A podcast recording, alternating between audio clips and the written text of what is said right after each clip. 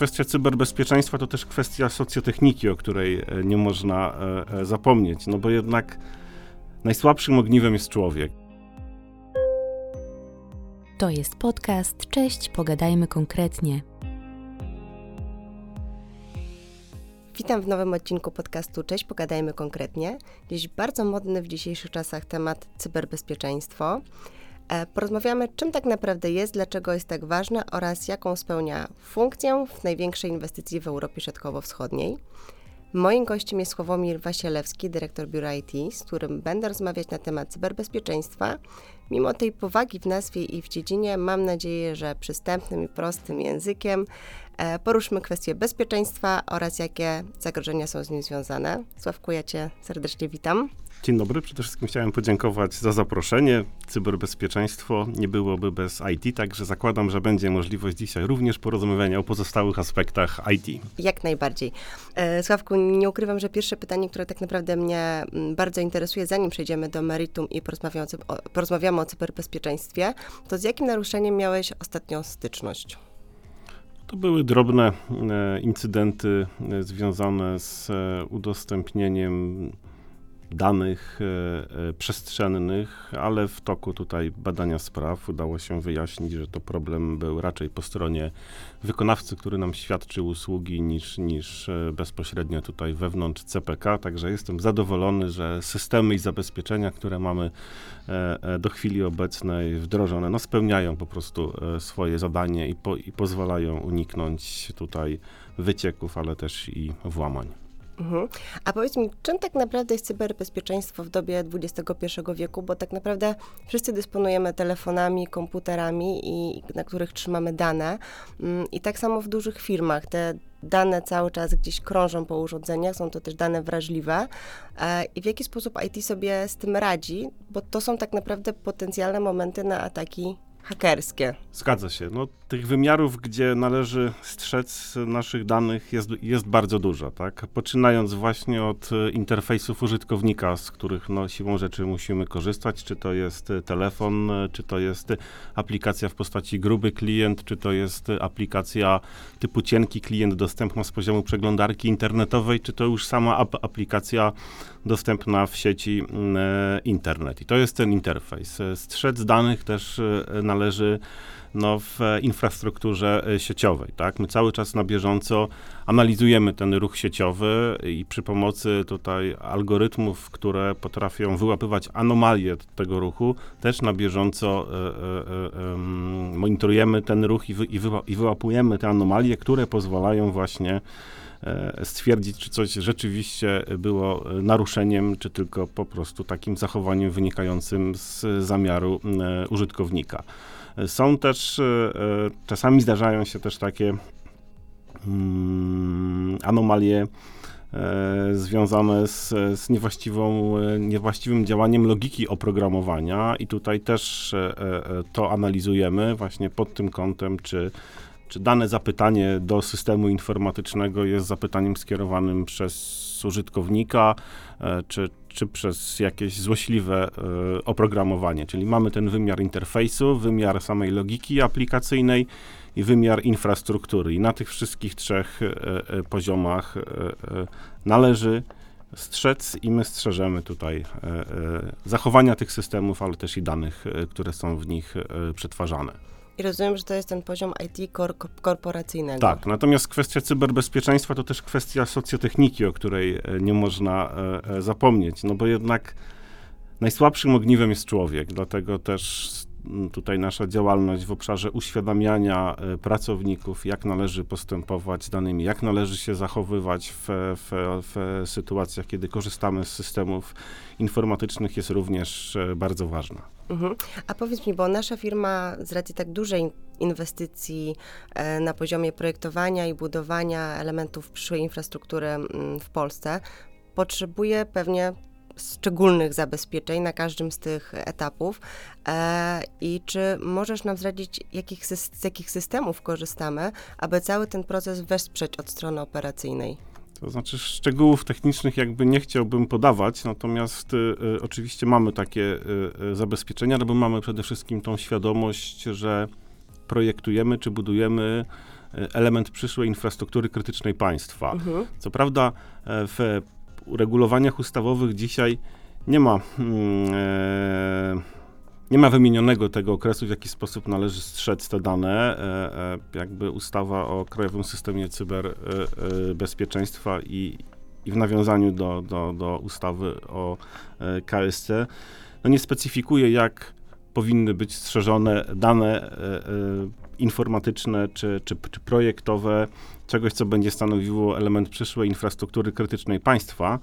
Mm, to jest doprecyzowane, jak już coś stanowi, czyli jest już operacyjnie wykorzy wykorzystywany jako element infrastruktury krytycznej państwa, natomiast my jak, naj, jak najbardziej podchodzimy do tego e, poważnie i staramy się po prostu strzec to w taki najlepszy sposób, jakby to była e, infrastruktura krytyczna państwa. I teraz, no, jak to się robi, z jakich systemów się korzysta? Trzeba przede wszystkim współpracować z różnymi agencjami rządowymi i, i, to, i, to, i to czynimy. Trzeba też regularnie przeprowadzać testy e, bezpieczeństwa e, całej naszej infrastruktury, ale też i testy socjotechniczne, które już e, w naszej spółce miały miejsce i na pewno będą kontynu kontynuowane. Trzeba też po prostu mieć odpowiednie oprogramowanie na końcówkach stacji roboczych, które analizuje mm, same zachowanie kom komputera, ale też i analizuje e, przepływ danych. Tak? E, nie ukrywam, że nasze stacje robocze są odpowiednio zabezpieczone w taki sposób, aby zminimalizować ryzyko wycieku danych, stąd też między innymi zablokowany dostęp do USB. Nie można w taki swobodny sposób korzystać z pendrive'ów, jest też zablokowany dostęp do E, e, niektórych stron internetowych. Te wszystkie działania właśnie mają uszczelnić proces e, informacji. Tutaj muszę też nawiązać do ścisłej współpracy z, z, z NAB-em, czyli z Biurem Administracji i Bezpieczeństwa, no bo ze względu, że mamy ten podział, my bezpieczeństwo, biuro IT, bezpieczeństwo informatyczne w cyberprzestrzeni, a bezpieczeństwo fizyczne to, to właśnie odpowiedzialność NAB-u. Ściśle tutaj współpracujemy, chociażby w zakresie klasyfikowania tajności informacji i, i, i, i w zależności od tej klasyfikacji nadawania im odpowiednich reguł zachowania w systemach informatycznych. E, także to samodzielnie też przeprowadzamy e, e, testy bezpieczeństwa wdrażanych systemów informatycznych. Każdy system, który u nas jest wdrażany, jest też właśnie w ramach fazy wdrożenia weryfikowany pod kątem bezpieczeństwa, a w sposób szczególny te systemy, które udostępniają dane na zewnątrz, czyli są wystawione w jakiejś części do sieci internet. Oprócz tego no, jest jeszcze zadanie, które jest jeszcze e, e, przed nami, to jest wdrożenie takiego centrum e, monitorowania cyberbezpieczeństwa, usługi SOC, która właśnie Security Operations Center, to jest taka usługa właśnie, która też pomaga w sposób systemowy, na bieżąco monitorować logi systemowe różnych aplikacji i, i przy wsparciu właśnie tutaj ekspertów z cyberbezpieczeństwa na odpowiednich liniach pozwala na bieżąco reagować na te incydenty. Tam jest też powiedzmy machine learning, czyli taka właśnie e, zaawansowane algorytmy, które, mm, które też się uczą i, i, i pozwalają e, sprawnie reagować, a w sytuacji, kiedy są to rzeczy właśnie świadomie realizowane przez użytkowników, no to wtedy po prostu takie zgłoszenie daje się szybko zamknąć, uznając jest, że to jest świadome i poprawne działanie użytkownika. Mhm. A powiedz mi, czy my już na tym etapie możemy rozdzielić mm, systemy, które stosuje IT oddzielnie dla jakby pionu lotniskowego i oddzielnie dla pionu kolejowego? Czy to już się dzieje? Już, już, już tłumaczę. E, tak, my wewnętrznie mówimy, że mamy w ogóle cztery wymiary IT. Tak? E, pierwszym jest to IT e, korporacyjne, o którym wspomniałaś, ale też jest to IT stricte lotniskowe i ono od początku było powiedzmy trochę wydzielone. Jest też IT kolejowe i jest IT, które wspiera E, fazę e, planowania, projektowania i realizacji inwestycji mm, e, CPK. I, ta fa- I te systemy, które wspierają tą fazę planowania i projektowania, między innymi niedawno wdrożony y, system y, ProjectWise, y, to jest takie narzędzie klasy IDMS, które powiedzmy jest takim repozytorium dokumentów, ale też i wspólnym środowiskiem pracy dla zarówno naszych projektantów, jak i wykonawców, z którymi współpracujemy i tutaj przy właśnie ścisłej współpracy z liderem i zespołem BIM rozwijamy to mm, narzędzie. A, a, a, jeśli chodzi o systemy lotniskowe, no to jesteśmy teraz na etapie realizacji e, projektu. E, e, to jest taki nasz doradca w zakresie lotniskowych systemów IT.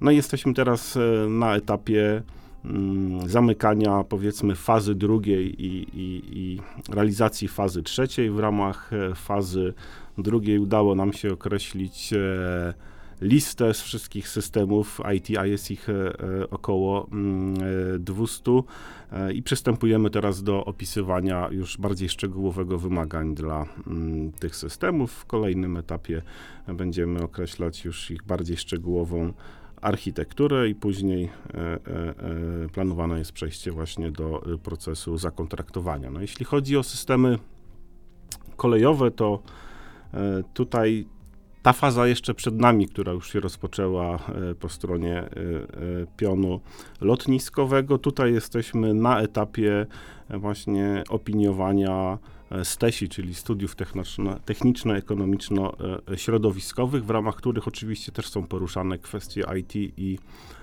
cyberbezpieczeństwa, ale to wynika po prostu z przyjętego przez pion kolejowy planu e, realizacji czy budowy poszczególnych e, odcinków kolejowych. Tutaj też chciałbym nadmienić, że to jest też nie lada wyzwaniem dla biura IT. No wynika to z tego, że standardu kolei szybkich prędkości w Polsce do, do tej pory nie było, także musimy się e, wzorować i uczyć na tych krajach, które już takie rozwiązania wdrożyły.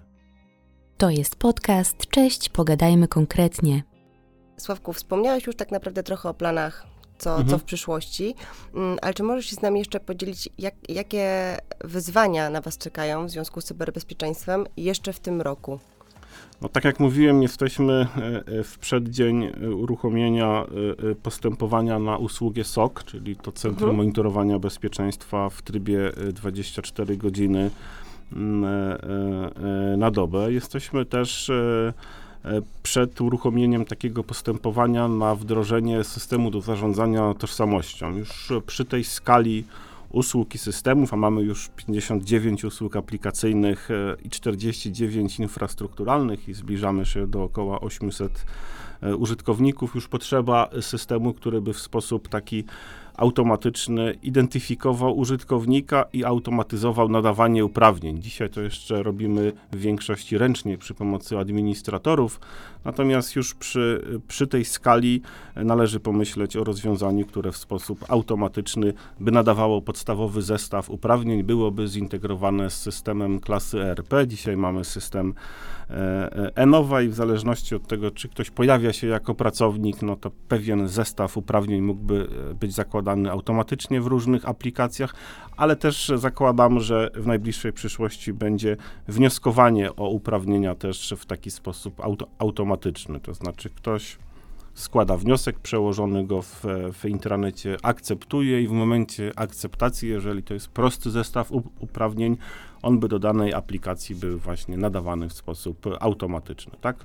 Również to jest ważne właśnie w w kontekście wątku cyberbezpieczeństwa. No w sytuacji, kiedy rozwiązuje się jakaś umowa o pracę, chodzi też o to, aby w sposób jak najszybszy po prostu te konta zablokować i uniemożliwić nieautoryzowany dostęp. Wszystko to, o czym mówisz, na pewno brzmi, że jesteśmy bezpieczni. Natomiast powiedz mi, bo masz styczność z cyberbezpieczeństwem na co dzień i na światło dzienne co chwila wychodzą jakieś ataki hakerskie, jak mm, atak na Ministerstwo Zdrowia w styczniu, czy, czy słynny wyciek danych 37 e, milionów klientów z T-Mobile w Stanach.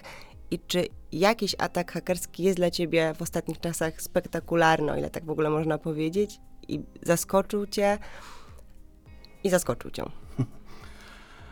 Nie zaskoczył mnie, dlatego że zdaję sobie sprawę, że e, tutaj e, przestępcy cyberprzestrzeni to są naprawdę wysoko wykwalifikowani specjaliści i, i a oprogramowania, które są wypuszczane, czy systemy, no, y, mogą mieć y, y, po prostu jakieś dziury i luki, a czasami nawet może być tak, że połączenie kilku systemów razem daje dopiero pewną lukę. No to są rzeczy, których w 100% nie da się przewidzieć. Oczywiście y, y, trzeba się zabezpieczać i są metody, y, z których też również y, i my korzystamy, no chociażby właśnie y, y, tak zwane security by design, czyli, czyli, mhm. czyli już na etapie projektowania systemów informatycznych staramy się ten wątek cyber, cyberbezpieczeństwa mm, uwzględnić. No, trzeba się kierować zasadą. Na zewnątrz udostępniamy najmniej jak tylko możemy bo wiadomo, że y, y, najbezpieczniejszy komputer, który nie jest podłączony do sieci, no tak oczywiście pół e, żartem, pół serio, bo wi wiadomo, że dzisiaj w dobie elektronizacji usług ta komunikacja elektroniczna jest już jako pierwsza wymieniana, chociażby ostatnia nowela, która jest procedowana ustawy o informatyzacji o tym mówi. E, I trzeba, te, I trzeba się przygotować na to, że coraz więcej danych będziemy udostępniać e, e, tą drogą. W nawiązaniu jeszcze do planów, no to właśnie też i w kontekście tego wątku, ważne jest, aby przeprowadzać analizy ryzyka. Dla wdrażanych systemów informatycznych. E, też może nie w, w, najbliższych miesiącach, ale na przełomie tego i przyszłego roku chcemy też e, stworzyć taki plan ciągłości działania. Mm, przymierzając się do tego, niebawem też opublikujemy postępowanie na e, analizę ryzyka, która jest pod, podstawą do opracowania takiego planu ciągłości działania. Mhm. I tak jak wspomniałeś przed chwilką, coraz bardziej żyjemy w świecie wirtualnym, tak naprawdę wszyscy. E, coraz częściej ułatwiamy sobie życie poprzez zakup produktów online'owo, czy robienie przelewów, czy choćby korzystanie z poczty elektronicznej. E, I to są te momenty, kiedy potencjalnie jesteśmy narażeni na tak hakerów. I czy masz jakieś rady, jak to ryzyko zminimalizować i czy w ogóle można je zminimalizować? Mo zminimalizować można, oczywiście, przede wszystkim jakby zdrowy y, rozsądek, tak? To znaczy tak, nie potwierdzajmy transakcji jednym sposobem, tak? To dwuskładnikowe uwierzytelnianie y, siebie czy, czy transakcji jest bardzo dobrym rozwiązaniem, które pozwala to ryzyko y, zminimalizować. Y, Zazwyczaj mało rzeczy istotnych potwierdza się na maila, tak? Zazwyczaj właśnie, tak jak wspomniałem, są to różne kanały, czy to przez telefon, czy to e, e po prostu przez jakąś aplikację połączoną e, z danym rozwiązaniem. Także ale przede wszystkim zdrowy rozsądek, tak? Musimy mieć pewność, zawsze też sprawdzajmy, jak już jesteśmy na stronie, czy to strona nie jest po prostu jakaś taka podłożona czy podszywająca się pod, pod innego e, dostawcę usług, ta e, kłódeczka i szyfrowanie e, i nazwa, która jest pod, jako wystawca tego, tego, właściciel tego certyfikatu, no pozwala to zminimalizować, tak? Małe płatności, ograniczenia. Jeśli mówimy o płatnościach, no to e, e, elektronicznych, co prawda to nie jest stricte związane tutaj z, z, z, z przedmiotem działalności e, CPK, ale mhm. właśnie wprowadzanie limitów, ograniczeń, to są te rzeczy, które pozwalają to ryzyko na pewno zminimalizować. E, super, dzięki. Sławku, bardzo dziękuję za inspirującą rozmowę, a Was, drodzy słuchacze, przede wszystkim zachęcam do dbania o bezpieczeństwo w sieci oraz zapraszam już za dwa tygodnie na kolejny podcast. Cześć, pogadajmy konkretnie.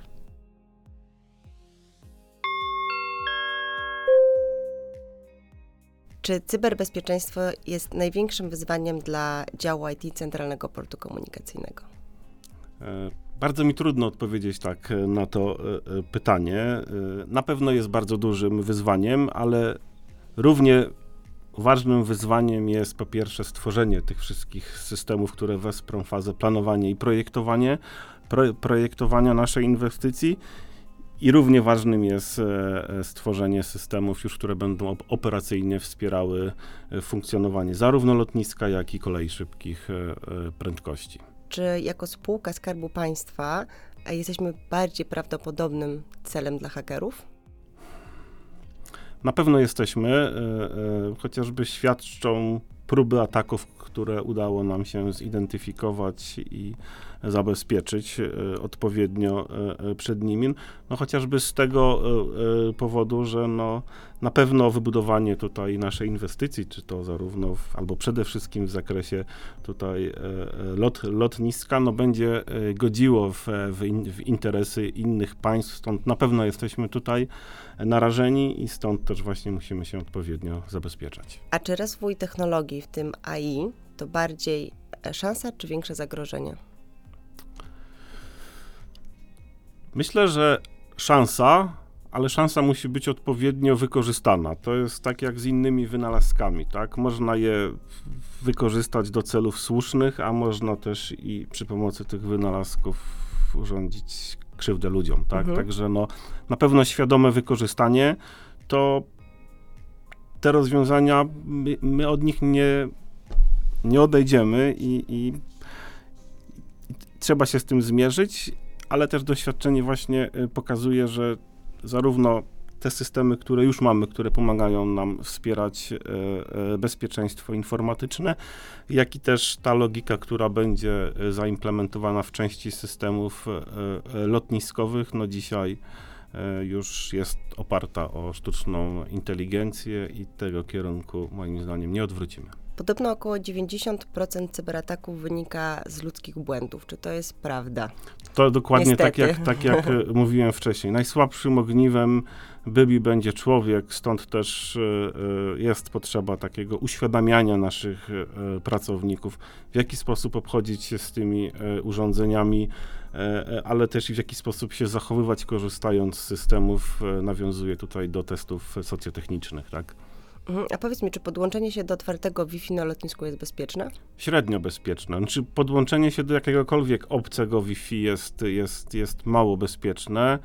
E, jeśli jesteśmy na terenie Unii Europejskiej, no to jest wysokie prawdopodobieństwo, e, że e, szansa takiego zaatakowania jest, jest, jest mała, ale jeśli byśmy wybierali się poza obszar Unii Europejskiej. No mamy takie sytuacje, chociażby nasze delegacje pracowników do Korei czy, czy innych państw, państw spoza obszaru Unii Europejskiej. Zawsze tutaj sugerujemy korzystanie z, z internetu komórkowego, który udostępniamy. Tak? Mówię, szczególnie w hotelach jest to zagrożenie. Czy hakerzy mogą wyłączyć prąd w moim akwarium i zabić moje rybki? Czy takie rzeczy się zdarzają? Czy to jest możliwe? Powiem jakby w ten sposób. Jeśli mamy to akwarium zautomatyzowane, e, które, pod którym jest gdzieś jakaś logika informatyczna, która steruje natlenianiem, nawadnianiem e, i temperaturą wody, to tak. Natomiast jeśli mamy prostsze rozwiązania, e, to nie. Ale generalnie, gdy, gdy już wchodzimy w ten internet rzeczy i, i mm, tą automatykę sterowania tymi urządzeniami, no to oczywi oczywiście taka, taka, taka, taka możliwość jest. A czy używanie zakupionego w Lombardzie telefonu jest bezpieczne? No my jako spółka na pewno e, takich e, telefonów tutaj pracownikom e, nie zapewniamy.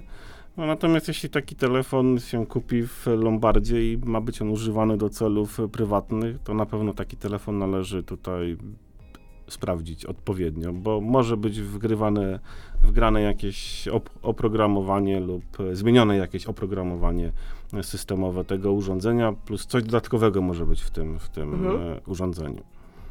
Nie ma się czego bać, a temat cyberbezpieczeństwa jest rozdmuchany. I prawdą to chyba nie jest. Zawsze jest się czego bać. Tak, jakby no, tu nigdy nie można powiedzieć, że jesteśmy w 100% zabezpieczeni patrząc z perspektywy czasu, to jest zawsze przeciąganie liny, e, bo to po pierwsze powstają nowe rozwiązania i w wyniku nowych rozwiązań pojawiają się potencjalne e, e, luki w bezpieczeństwie. Z drugiej strony z tej samej technologii, wiedzy i nowych rozwiązań korzystają hakerzy, którzy właśnie ją wykorzystują, chociażby tą sztuczną inteligencję do, do tutaj przełamania zabe, zabezpieczeń. Stąd też tu nigdy nie można spokojnie spać, trzeba na bieżąco analizować y, standardy, trendy, ale też i rodzaje ataków, jakie miały miejsce, na bieżąco aktualizować systemy informatyczne, i regularnie przeprowadzać cykliczne testy penetracyjne. Tak? My tutaj częściowo testy robimy sami, ale raz na e, rok przynajmniej albo raz na pół roku zawsze takie testy przeprowadzamy przy pomocy zewnętrznego podmiotu. To był podcast Cześć, pogadajmy konkretnie.